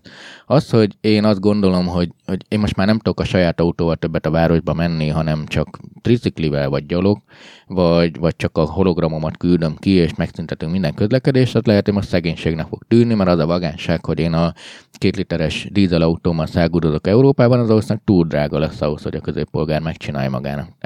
De ezek, ezek apró lépések sorozatai lesznek. Hogyha van egy nagy környezeti katasztrófa, az tök klassz dolog, olyan értelemben, hogy ráébreszti az embereket, hogy, hogy változtatni kell, de igazából csak a pánikot növeli. Jelen pillanatban is ugye csomó helyen égnek az erdők, és most mindenki aggódik, hogy mi lesz elpusztulva, hány évünk van még hátra. Ezt nem szeretem, tehát ez úgyse az van, hogy az ember az oldalára dől és feladja, hanem akkor gondolom, mit, mit kéne máshogy csinálni. Hogy csináljuk másképpen, és a a tehetetlenségi nyomaték itt a probléma. Tehát, hogy nagyon sokan vagyunk, nagyon sokaknak kéne együttműködni, de, de mondom, a digitális kultúrának ez az igazi célja, hogy együtt tudunk működni. Eleve tudunk ezekről a dolgokról, régen nem tudtunk. A, a, miközben azt látjuk, vagy fe, feltételezhetjük, hogy egy nagyon jól koordinált emberiség meg tudná oldani ezeket a problémákat, és azt is látjuk, hogy közben az emberiségnek nem nagyon van hajlandósága arra, hogy hogy jól koordinálódjon, főleg nem ilyen globális méretekben, tehát kis csoportokban még csak-csak, de minél nagyobb csoportról lenne szó, annál kevésbé szeret koordinálódni. A mesterséges intelligenciával kapcsolatos egyik forgatókönyv, hogy majd ezt a problémát megoldja a mesterséges intelligencia úgy, hogy majd ő szépen koordinál minket, és mi majd nem leszünk abban a helyzetben, hogy majd azt mondjuk, hogy már pedig mi nem szeretnénk azt csinálni, hiszen ő végtelen lesz és hatalmas, és sokkal bölcsebb mindannyiunknál, mi pedig gyarló emberek, és ilyen értelemben nem pusztítja ki magát az emberiség, de közben nagyon furcsa módon így aláveti magát. Most így megcsinálja azt a jóságos Istent, akiben egyébként az emberiség egy része hisz, legyártja, aláveti magát, és annak a segítségével életben marad, és ez még a forgatókönyvek közül a pozitívabbak közé tartozik. Tehát miközben az is, ebben is elég sok hátborzongató dolog van, de, de mesterséges intelligencia ügyben ez, ez egyértelműen a pozitív forgatókönyvek közé tartozik. Te hogy látod, hogy le, lesz-e AI apokalipszis bármilyen formában, vagy azon keresztül történő emberiség megmenekülés? Biztosan nagyon pontos szerepet fog játszani. Most az, hogy mi is a mesterséges intelligencia, vagy mi lesz belőle, ugye amik most vannak, az még nem az, az csak gyors adatbázis műveletek, de, de látványos. Az, hogy nagyon-nagyon sok algoritmus kódolunk előre, és attól emberszerű lesz egy viselkedés, attól még nem lesz ember. mindig a célokon múlik, hogy neki mi a célja, és egyelőre nincs célja. Az egész digitális kultúra nincs, egy és nulla, van áram, nincs áram. Bizonyos értelemben nincsen. Másrészt meg azt érezzük, hogy meghatározza az életünket. Én szerintem a mesterséges intelligencia lesz az, ami együttműködésre kényszeríti az embereket, és elszünteti azokat a választási lehetőségeket, amiket szeretünk maguknak kiharcolni. Egyénként, kivételezett csoportokként, kivételezett országokként, vagy bárhogy ezeket tudja eltüntetni, mert bizonyos értelemben nagyon demokratikus, ugye azt vetíti ki, amit mi előre beprogramozunk, de, de egy, egy olyan jövőben, ahol mondjuk uh, kijön az, hogy én már nem vehetek több liter benzint, mert elfogyott a keretem, és ő ezt számon tartotta, uh, akkor ugye ilyenkor, hogyha emberekkel kommunikálok adon a fején, hogy de kicsit megkenlek, meg 10%-át megkapod a benzinemnek, vagy elveszem másét, és mondjuk ezt nem tehetem meg, akkor tényleg nem lesz mondjuk több benzinfogyasztás, most csak egy nagyon egyszerű és példa. Szerintem ebben segíteni fog, ez hihetetlen korlátnak fogjuk megélni. A robotok ridegsége igazából nem úgy fog manifestálódni, hogy piros szemmel néznek minket, és vagy szexi nőként mászkálnak fel alá és átalakulnak, hanem úgy, hogy nem lesz lehetőségünk egy csomó dologra, nem tudunk jegyet venni repülőre, mert már utaztam, tehát korlátok fognak életbe lépni. Ezek a korlátok most tűnnek nagyon-nagyon rossz korlátoknak, és nagyon nehezen viseljék már, hogy lemondunk valamiről, és az mindig fáj. De hogyha száz évvel ezelőtti állapottal vetjük össze, akkor az látszik, hogy még mindig egy nagyon gazdag állapot lesz. Azon a mesterséges intelligencia a csoportoknak az együttműködését és a korlátok meghúzásában fog segíteni, és a jövőbeni harc azon pont azon múlik, hogy milyen elvárásokat kódolunk be mesterséges intelligenciát, hány liter benzint melyik ország fogyaszthat. Ilyen alkuk lesznek szerintem egyébként. Tehát a, a jövő nem arról szól, hogy most a konkrétan a Földön hol állok, hanem az, hogy milyen adatokat szolgáltatok magamról, az mennyit ér, ez fogja az életminőségemet meghatározni, illetve az, hogy az erőforrásokból mennyi jut nekem. És erbe a nagyhatalmak szerinted belemennek? Hogy egymással díleljenek, hogy akkor most nem tudom, neked ennyi benzin jár, nekünk viszont ennyi? Tehát, hogy ez nem fog ez is egyfajta háborút szítani, és ugyanolyan feszültséget szítani? Hát azért mindig ilyen dílek zajlottak. Tehát nézd, ez a gyarmat a tiéd, ez az enyém, ennek az országnak az 50-50 százalékban osztozunk rajta, és utána húztak rá egy más, hogy ez most éppen milyen ideológiát követ. Tehát ilyen értelemben ilyen uh, alkuk köttettek, nem hiszek az olyan magas szintű tudatosságban, amiről beszélünk, hogy ez úgy fog megtörténni, hogy na figyelj, most már üljünk le, most már tényleg para van, jó.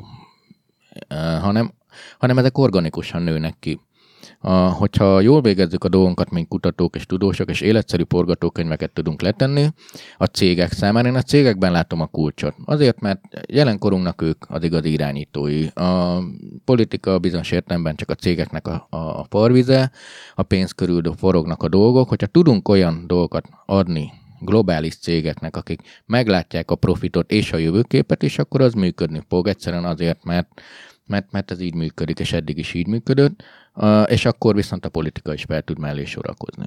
Nyilván nem lesz egy ilyen egyszerű, de nagyon sok, sokkal több minden van a, a között, hogy most jól élünk, és a másik, hogy egy háborúban lemészároljuk egymást, és ezek legtöbbször ilyen gazdasági pufferek. Ez most itt zajlik.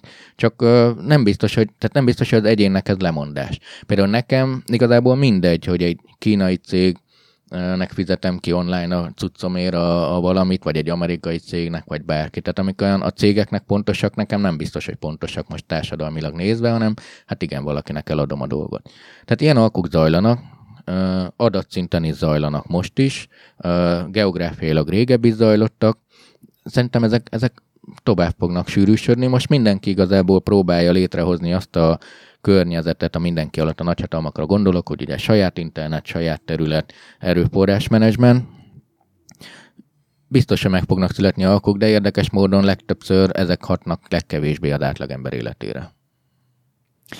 Ha visszaidézzük a néhány héttel ezelőtt volt, azt hiszem talán lehet most már hónapokban ismerhető, a, van a Neuralink nevű Elon Musk vállalkozás, ami a kevésbé ismert vállalkozásai közé tartozik ennek a kiváló üzletembernek, ami arra hozott létre, hogy pont a az emberiség és a digitális eszközök közötti sávszélesség problémát segítsen kezelni. Nem ez a mostani marketing szövegének a nagyobbik része, azt hiszem, hanem az, hogy minden típusú idegrendszeri, elsősorban agyi idegrendszeri betegségnek a kezelésében is jelenthet nagyon fontos előrelépést, de hogy alapvetően nem erre van kitalálva, hanem arra van, hogy egy jó embergép interfész legyen, sokkal jobb, mint a jelenlegi kettő darab bújjunk, amennyivel egy elváltóan intelligens ember gépelni tud, ugye.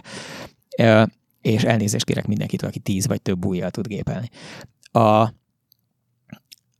a, az, amit bemutattak a prezentációban, az elég lenyűgöző volt. Ez egy, ugye most is léteztek olyan, már nagyon régóta léteznek olyan nagy implantátumok, amiknek a segítségével jeleket lehet részben érzékelni az agyból, részben adott esetben küldeni az agyba. Ma is az orvostudomány aktívan használ ilyen jellegű dolgokat kutatási célokra és meg bizonyos típusú betegségeknek, mondjuk a Parkinson-kornak a kezelésére. De hogy ez egy egészen másmilyen nagyságrend, tehát hogy miközben néhány relatíven nagy elektródát tudunk behelyezni viszonylag invazív módon most, ehhez képest ezeres vagy tízezeres nagyságrendben és praktikusan károsodás nélkül behelyezhető elektródákat demonstráltak, és annak a technológiáját.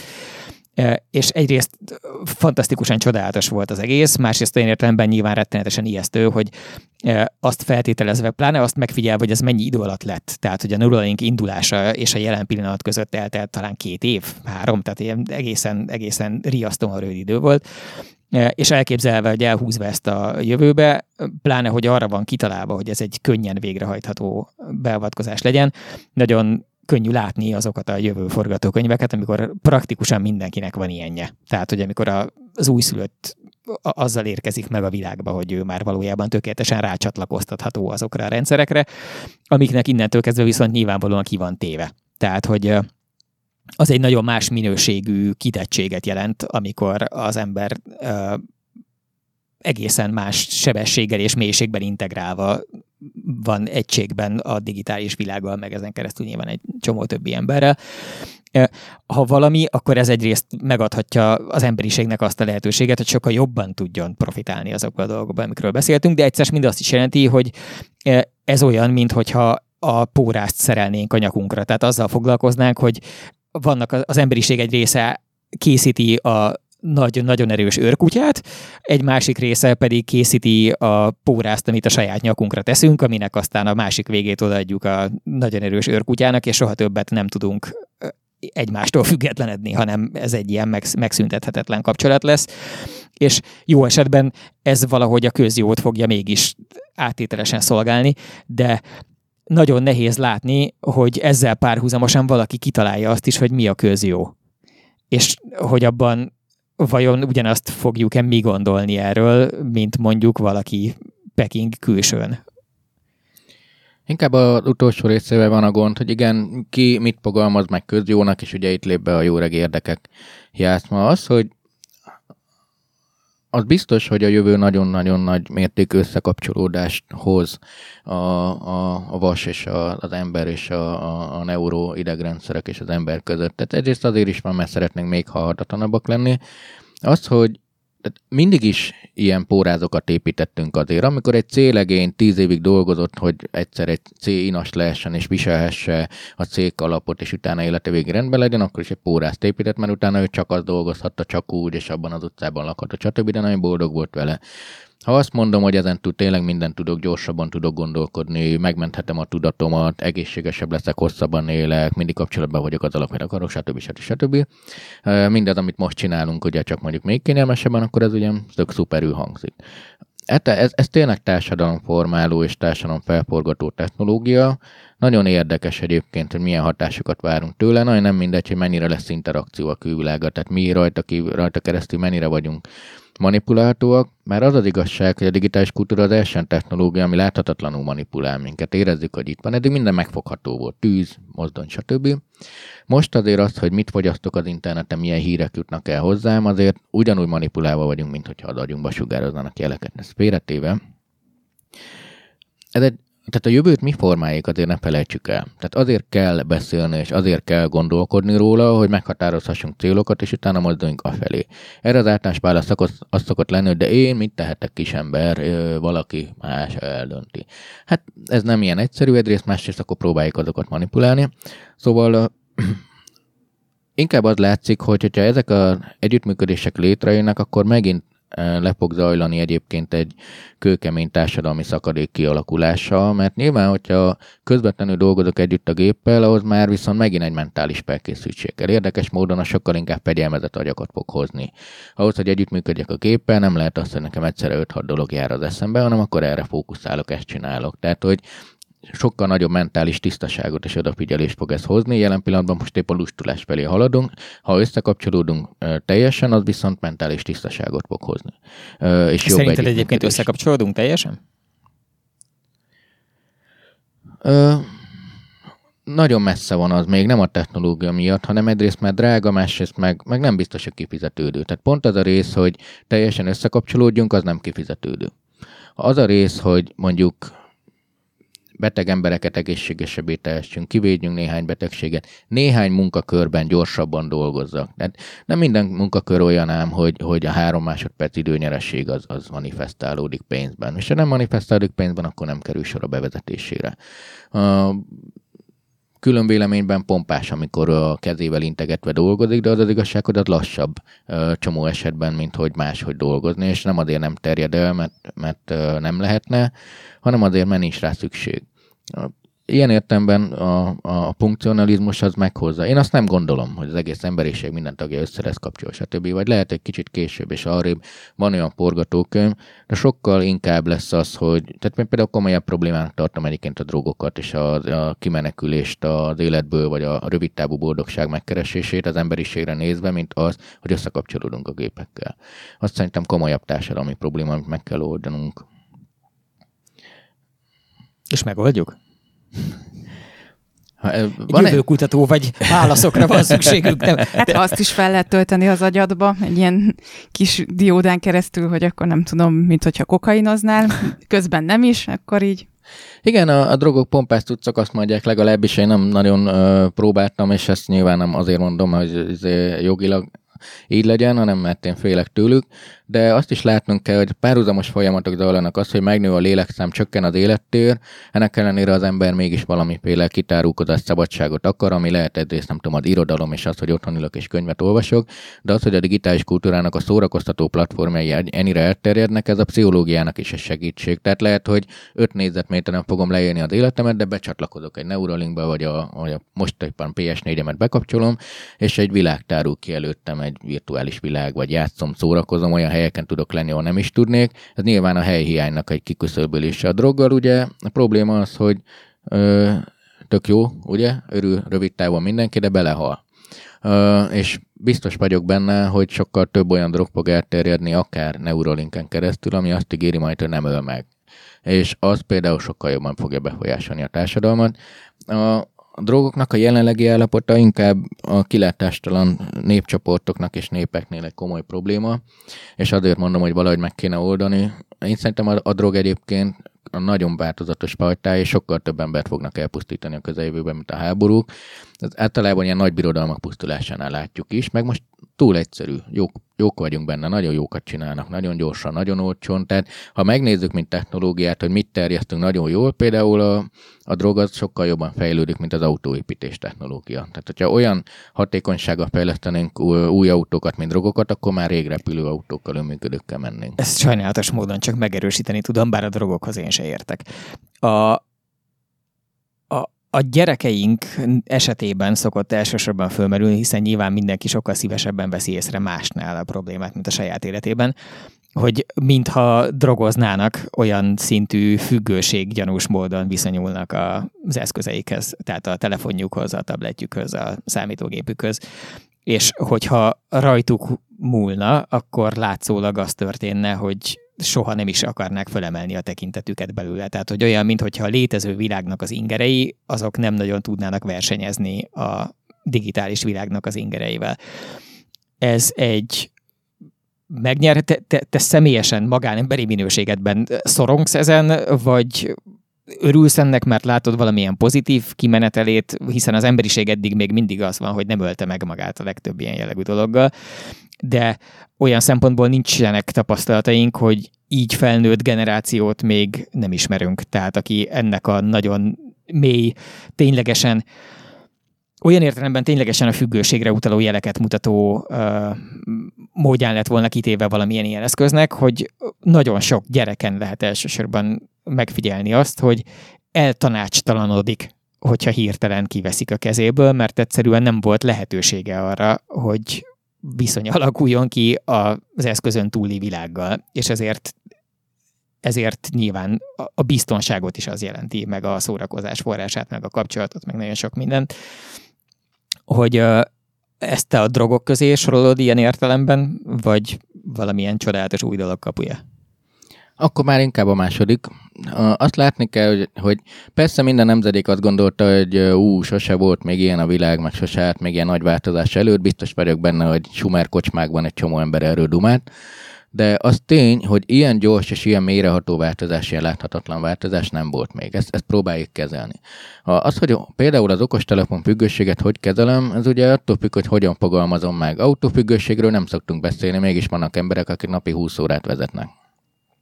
Ha azt mondom, hogy okos telefon, és nem foglalkozik a környező világgal, az milyen fura, fogja a kis kütyűjét. Mm.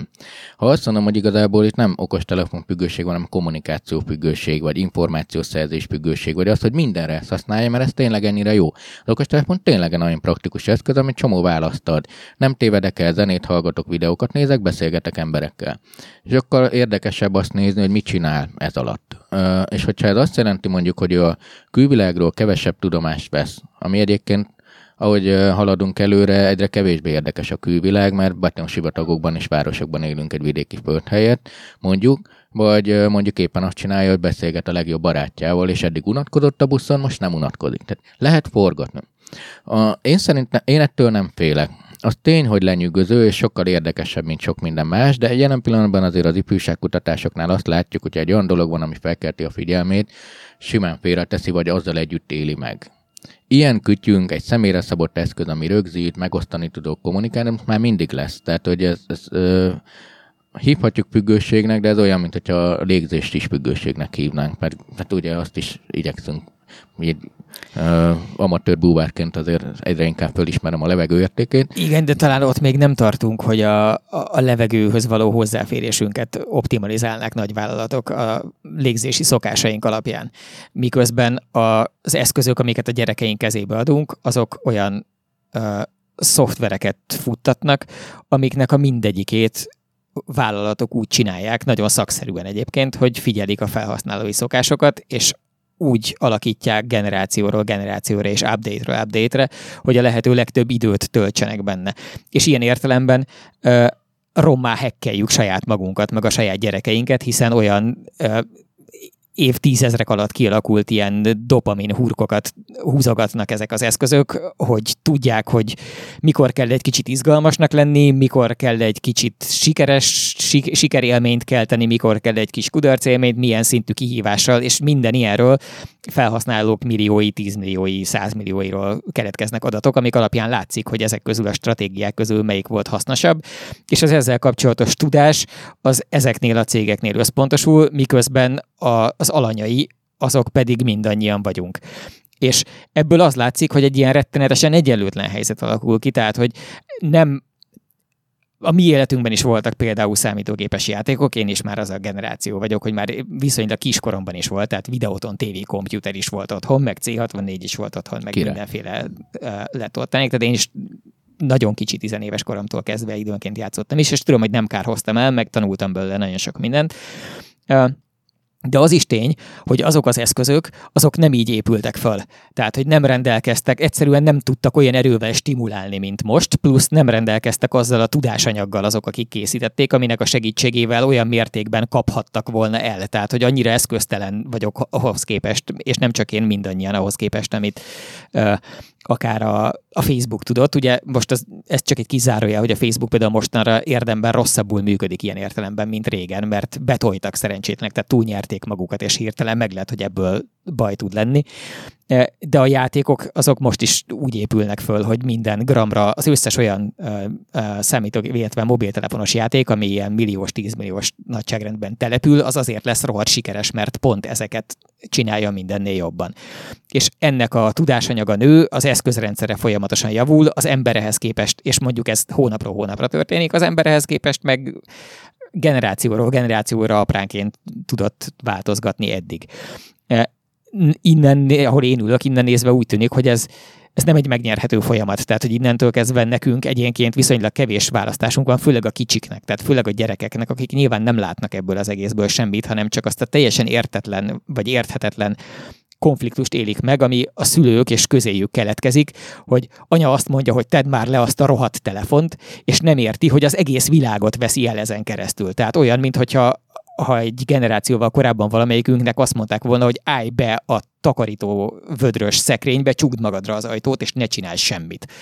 E, és e, ne, ne, én nem látom, hogy ennek mi tud lenni a feloldása. Mert szerintem ezek a vállalatok, és te is azt mondtad, hogy a vállalatok igazából ennek mostanra a kulcsai, de hogy én nem nagyon látom, hogy ezek a vállalatok ilyen értelemben önkontrollt vagy önkorlátozást vezetnének be. Különösen azok a vállalatok nem, amik nem a, a nyugati sztenderdek szerint üzemelnek. Ugye a Facebook azért működhet mostanra rosszabbul, mert, mert nagyon kínossá vált a, a szabad világban ismert módokon, hogy ez egyáltalán napvilágra tudott kerülni az ezzel kapcsolatos uh, algoritmusok működése, hogy lehetett róla a közös térben egy vita, hogy annak következményei lettek, hogy abban a kapcsán föllépett valamilyen ilyen etikai kényszer, aminek kapcsán változtatniuk kellett, de hogy ez nem lesz minden esetben így, lesz olyan, hogy nem derül ki, egyre kevésbé fog kiderülni, de közben egyre hatékonyabban fog működni. Továbbá van a világnak olyan pontja már most is, tehát ha mondjuk ez Kínában történt volna az ottani Facebook változattal, ami ugye nem Facebook, hanem WeChat. WeChat is van, és abban van nagyon sok minden. Weibo. Igen. Igen, az ő Facebookjuk hogy ott nem nagyon hiszem, hogy ebből kipattant volna egy ilyen nagy botrány, miközben a technológia valószínűleg nem rosszabb. Az elvek, amik alapján a rengeteg sok adatból egyre jobban tudnak működni, az pontosan ugyanaz. Én nem látom, hogy ott ezt meg lehetne úszni. Uh, azt, hogy hogyan ítélő meg valamit, nagyon nagyban uh, lehet változtatni ugyanannak a dolognak a megítélése, hogy az időszkópot vagy a távolságszkópot húzigáljuk föl Ha azt mondom, hogy ú, függőséget okoz, és soha még ennyire nem ismertem a célcsoportomat, és soha még ennyire könnyen nem tudtam manipulálni, hiszen önként és dalolva egy adatrögzítő számítógépet hordunk magunkkal, ahol interaktívan. Ez, ez, ez igaz. Ha azt mondom, hogy ennek az eszközöknek a képességenek, tehát hogy a használatának a képessége, vagy az, hogy ez most már lesz mindegy is, hogy mindig ilyen kis kocka lesz, vagy öt év múlva a fejünkbe lesz ültete, vagy sem, és ezzel idegenekkel együtt tudok működni, én erre azt mondom, hogy ez az kizárólagos lehetőség arra, hogy túléljük azt a változást, ami vár ránk, és lehet, hogy most kiszolgált, ki vagyunk szolgáltatva, és megveszek úgy számítógépes játékot, hogy hát igazából nem is akartam, de impulzus vásárlásra rávettek, vagy, vagy még 5 eurót kicsaltak a zsebemből, viszont a jövőnek ez az egyik záloga, ha nem ezért születik. Tehát az időszkópot és a, a távolságszkópot, ahogy húzigálom, változhat. Én azt gondolom egyébként, hogy ez az kétségtelen, hogy a tudatosság mértékén változtatni kell, és azt nagyon tanuljuk. Tehát ezek a buzzword amik el szoktak siklani mellettünk, hogy adattudatosság bármi, de hát azért ezek az eszközök nem tudnak azért olyan dologra rávenni, amit amúgy nem akarunk. Megvan az a 10-20-30 százalékos puffer, ami mozognak, arra már át tud venni, hogy nem akarok pénzt költeni, de előbb-utóbb fogok. De azért, ha nem szeretünk játszani, akkor nem fog tudni nekünk számítógépes játékot eladni. Jöhet nekem a Messenger bármivel, hogyha egy barátom sincs, akivel tudjak beszélgetni, és akkor onnantól kezdve behal az üzleti modell. Tehát társadalmi értelemben nézve, bár én e-bizniszt oktatok ugye, és az a feladatom, hogy a jövő piaci sakár nemzedékait fölneveljem, akik pont ezt fogják csinálni, hogy minél több pénzt kihalásznak mások zsebéből, és akkor fognak örülni nekem, hogyha ezt megtanítom nekik. Nyilván én mindig azt is tanítom, hogy lehet védekezni ezzel. Lehet, van választásunk. Tehát e- ezt a manipulációt, hogy most a fiatalok mit éreznek ebből, hogyan élik meg, ez is csak egy eszköz, de régen papírgalacsinokat dobáltunk, vagy nem figyeltünk, vagy sokkal durvább és erőszakosabb játékok voltak. Most nem tudom, mi a jobb. Régen az, hogy kiszúrták egymás szemét a botokkal és a pakardokkal, vagy az, hogy most nem tudom, milyen prémium játékban ingyen pénzeket gyűjtök, és túl sok időt töltök el vele. Tény, hogy nincs határ, de azért azt is látnunk kell, hogy a fiatalságnál azért látjuk ezeket megnövekedve, ezeket a problémákat, mert Jelen pillanatban nekik nincs más dolguk, mint az, hogy játszanak és kommunikálnak, mert fiatalok, meg hogy suliba járjanak, ami egyre kevésbé értékesebb nekik. Amikor a munkaerőpiacra belépnek az emberek, vagy éri őket valamilyen családi vagy társadalmi trauma, olyankor mindig látjuk a megváltozott viselkedést. Legyen a trauma az, hogy vigyázni kell valakire, vagy gyereke lett, most pozitív trauma. Tehát könnyű azt mondani, hogy ú, milyen sokat játszanak a gyerekek, de miért? Mi mit csináltunk? A grundológtunk tíz órán keresztül, és ugyanúgy aggódott értünk egy szociológus nemzedék, hogy a kulcsos gyerekek meg, és így tovább. Tehát nem alábecsülöm ezeket, és életem jelentős része az, hogy ezeket a tudatosságokat növeljem. Én csak azt mondom, hogy most egy magasabb szinten jövőről beszélünk, ez nem, nem ez a gond, vagy ne, ez nem gond, sőt, én ebben több lehetőséget látok. Megtanulunk, tehát a játékok megtanítanak minket egyébként helyzeteket megoldani gyorsan, digitális környezetben. A jövő erről fog szólni. Amikor tíz év múlva a robotokat irányít, mert úgy fog dolgozni, akkor ilyen helyzetekben fog menni. Azonnali visszajelzéseket fog kapni, megnövekednek a reflexei, megnövekszik az idegen entitásokkal való kommunikáció képessége. Tehát tudnék ebből jót kihozni akarnék, de ez még egyelőre csűrés csavarás. A tény valóban az, amit mondasz, marhára eladjuk magunkat. Társadalmi szempontból nézve ez, ez csak egy ugyanolyan üzleti kihívás, mint ami volt. Nem, nem új, és nem veszélyesebb ha nagyon sok aggodalmunk van azzal kapcsolatban, hogy hogyan eszi majd meg a mindenkori következő generációt az átkozott számítógépek világa, de hogy a mindenkori következő generációnak ugye az a feladata, hogy az emberiséget tovább vigye és lehetőleg jobbá tegye a saját életét, és ehhez elsősorban az kell, hogy tudja, hogy kell. Tehát valahogy jobb eszközrendszerek segítségével, vagy hatékonyabban, vagy ügyesebben tegyen az agyába dolgokat. Te látsz a, a tudomány továbbítás területén valamilyen típusú forradalmat, tehát hogy el fogjuk-e tudni érni jobban, főleg a kicsi gyereket. Tehát most nyilván az van, hogy a nagyobbaknál ott, ott az, ami, amit jól tud a digitális eszközrendszer, az már működik. De hogy lehet-e egyáltalán kell-e hatékonyabban, meg ügyesebben, meg jobban tanulni, 6 évesen, 8 évesen, 9 évesen, most orbitális méretű szakadék van a között, amennyire ingergazdag és érdekes a szórakoztatás világa, ahhoz képest, amilyen az iskolában a tanítás világa. Tehát minden tiszteletem a szép színes betűket rajzoló apoké, amik így elvileg megpróbálnak olvasni és tanítani, de hogy azért nevetséges távolságban vannak ahhoz képest, hogyha, mint nem tudom, Fortnite-ozhat is egy gyerek ugyanakkor lehet ezt valahogy így majd visszatekerni, meg fogja akarni tudni ezt az emberiség egyáltalán, és azt lesz ugyanannyira szexi, meg izgalmas dolog a tanulás, mint a pihenés? A tanulás, hogyha most így az emberiség oktatás kultúrtörténetét nézzük, Igazából kiscsoportosan volt mindig szexi és érdekes, tehát amikor egy görög peripatetikus iskolában felalás sétálgattak, és három tanítvány beszélgetett, ugye a peripatetikus az, hogy sétálgatva tanulnak, és akkor rámutatott egy növényre, megmondta, hogy az a növény mi, és így tovább. Az, az szexi volt és érdekes. Utána kiválasztott kevesek megtanultak titkos tudásokat, amely hatalomra tettek, szed, az is szexi volt és érdekes. De igazából az ipari forradalom azt mondta, hogy most mindenkit megtanítok arra, hogy tudjon írni, olvasni, hogy tudjon nekem gépeket kezelni, meg ipart építeni tanulni. Igazából innen indult ki a tömegoktatás. Ez nem volt szekció, ez azt mondta, hogy egy, egy tudás kell mindenkinek a fejébe lökni. Hogy a manapság úgy gondolkodunk, hogy lehet, hogy mégis különböznek egymástól a gyerekek, és hogy mindenkinek kicsit más, hogy más kéne tanítani, motivációt vesztettek különféle okok miatt, és hogy ezt megpróbáljuk új oktatáspedagógiai módszereket tanítani. Ez nehéz ügy, mert nyilván olyan szórakoztató sosem lesz. A az, hogy mit tanítsunk meg kinek, az is jóval nehezebb ügy. Itt két tényező van. Az egyik, amit már említettem, hogy 50 évnél hamarabb terjedt el, és a tudás és az idősek tisztelet az abban pillanatban megszűnt gyakorlatilag. Ugye eddig ez volt, hogy az idős tudja a választ, de most már nem, mert minden generáció egyszerre kapta meg, tehát most az a gondolat van, hogy én ugyanúgy tudom, sőt jobban. Ezt csináltuk a digitális benszülött nevű hazugsággal. A másik az, hogy nem tudjuk pontosan, hogy mire van szüksége, mert hogy olyan gyorsan változik a jövő, olyat fog dolgozni, amit még nincs is, meg szeretünk ilyen közhelyeket pufogtatni, és ezzel kicsit eltanástalanodott az oktatás szféra, és akkor most egy olyan helyzet van, hogy nem is tudom, mire lesz szüksége, meg hogy mit is akar ő, úgyhogy nem tudjuk pontosan mit. De nem nehéz azért megragadni a lényegét. Szerintem az út nem az egyébként, hogy megpróbáljuk fölvenni a versenyt kifinomult professzionális iparágakkal, mint a játék. Annak ellenére, hogy én gamifikációból és játékból írtam a doktorimat, hogy hogyan lehet jobban oktatni, de ez, ezek időnkénti motivációra, vagy egy adott tudás átadására lehetnek eszközök, de semmiképp sem az általános oktatásra. A szerencsénk viszont az, és most itt jön be mondjuk egy mesterséges intelligencia, vagy egy nagyon kifinomult nagy adatbázis rendszer, hogy most már tudunk személyre szabottan oktatni. Hogy jövő mindenképp az ilyen blended oktatás, amikor azt mondom, hogy most számítógépes hasonlattal, hogy a Winchester-en megvan, azon minden tudás ott van, az minden gyereknek megvan. Hívjuk internetnek, bárminek. Tehát uh, nekem nem azt kell megtanítani, hogy, hogy ott a Winchester tartalmát, azt ő leolvassa.